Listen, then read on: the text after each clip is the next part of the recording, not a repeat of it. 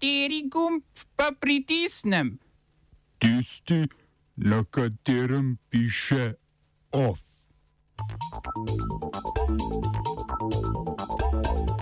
Beloruska vlada zaustavila letalo, na katerem je potoval opozicijski aktivist Roman Protaševič. Potekal mandat nadzora Združenih narodov nad iranskim jedrskim programom. Indijske oblasti strumno proti Facebook objavam o indijski različici koronavirusa. Odbor državnega zbora o datumu referenduma o noveli zakona o vodah. V kreativni inšpekciji Beneški bienale, kako bomo živeli skupaj.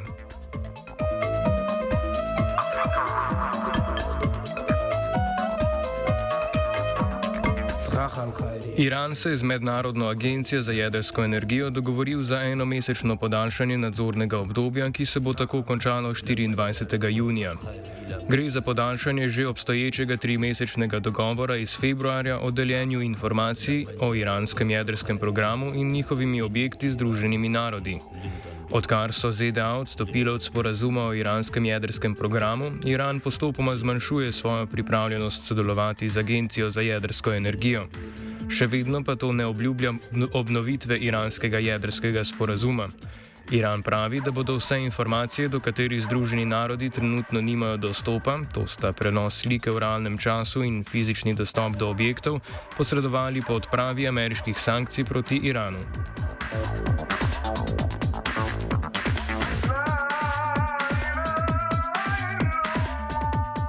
Izvoljeni samojski predsednici vlade Fiame Naomi Matafa policija ne dovoljuje vstopa v parlament. Prejšnji premijer ne želi predati vodstva države, čeprav je na splošnih volitvah v aprilu izgubil. Tako Matafa ne more pričeti mandata in sestaviti vlade, ki bi jo prvič v zgodovini države vodila ženska. Pred vstopom v parlament je bilo sporočeno, da lahko tega zasedajo le po ukazu predsednika države, ki pa je znan zaveznik bivšega predsednika vlade Tulejpeja Sajleleja Mali Eleoja. Ta je samo i vladal kar 22 let in ko je bil letos premagan na volitvah, rezultata kljub potrditvi sodišča ni želel sprejeti. Matafina stranka je zmagala z enim poslancem več, ko se je neodvisen kandidat odločil pridružiti njej. Prisega je zato potekala v zunanjem šotoru, kar so Matafini nasprotniki označili za nelegitimno, saj se je odvila brez navzočnosti predsednika vrhovnega sodnika in članov opozicijske stranke. Mali LO je svoj parlament označil za edini zakoniti ter nadaljuje z izvajanjem dožnosti premijeja.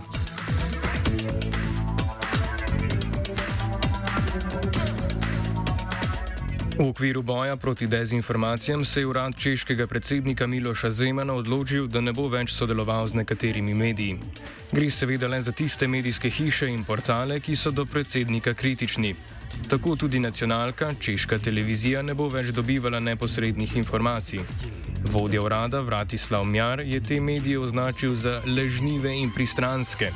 Ni prvič, da češka vlada omejuje dostop medijem. Trenutno spletnemu portalu Forum 24 prepoveduje sodelovanje na spletnih konferencah, prav tako prihaja do zavračanja kritičnih vprašanj novinarjev.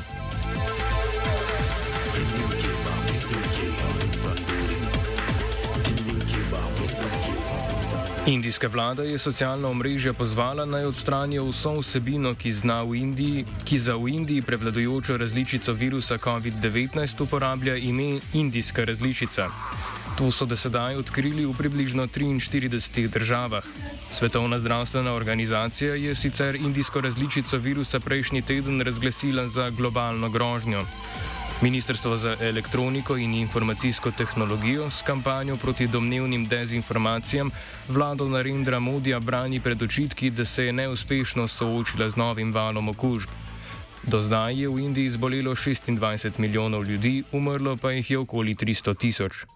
Državo med drugim desetka pomankanje zdravstvene opreme, kisika in zdravil.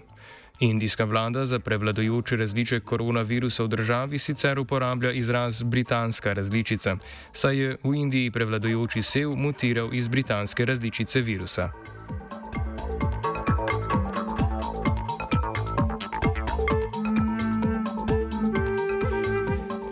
Beloruska vlada je včeraj k pristanku prisilila Ryanairovo letalo na poti iz Aten v Vilno.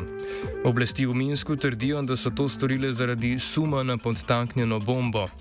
Po pristanku v Minsku poti v Vilno ni nadaljeval beloruski novinar in opozicijski aktivist Roman Protaševič, ki je za polsko internetno občilo Nexta prenašal lanskoletne proteste proti dolgoletnemu predsedniku Aleksandru Lukašenku. Beloruske oblasti Protaševiča sicer že dlje časa preganjajo zaradi poskusov netenja množičnih nemirov. Aretacijo Protaševiča je obsodila predsednica Evropske komisije Ursula von der Leyen in pri tem dodala, dejala, da bodo o morebitnih sankcijah razmišljali na današnjem zasedanju v Bruslju. Pridružil se je ameriški zunani minister Antony Blinken, ki je pozval k takojšnji izpustitvi vseh potnikov in preiskavi strani mednarodne organizacije civilnega letalstva. Medtem je Latvija že sprožila preiskavo izginotja Protaševiča in skupaj z Litvo blokirala beloruski zračni prostor.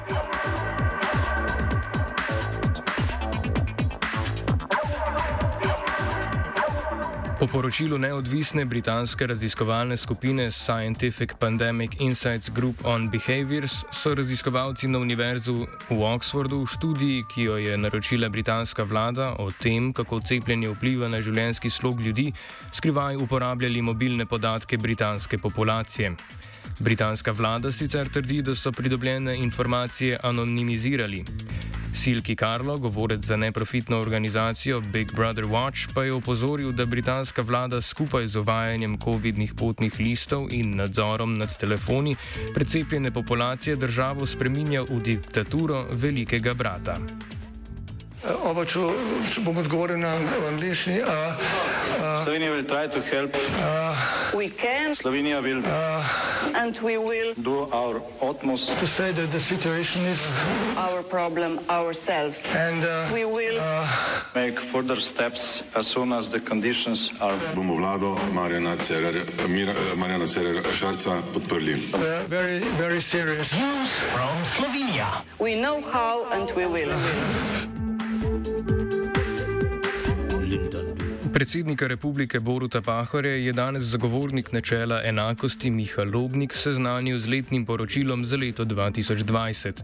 Poročilo ugotavlja, da Slovenija sicer vsako leto v varovanju enakosti napreduje, a je še daleč od želenega stanja.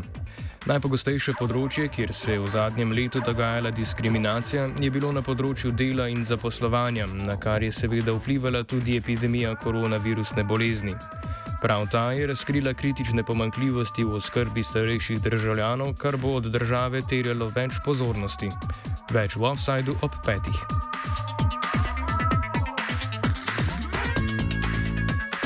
Ovsta pripravila Lucija in vajenec Matej.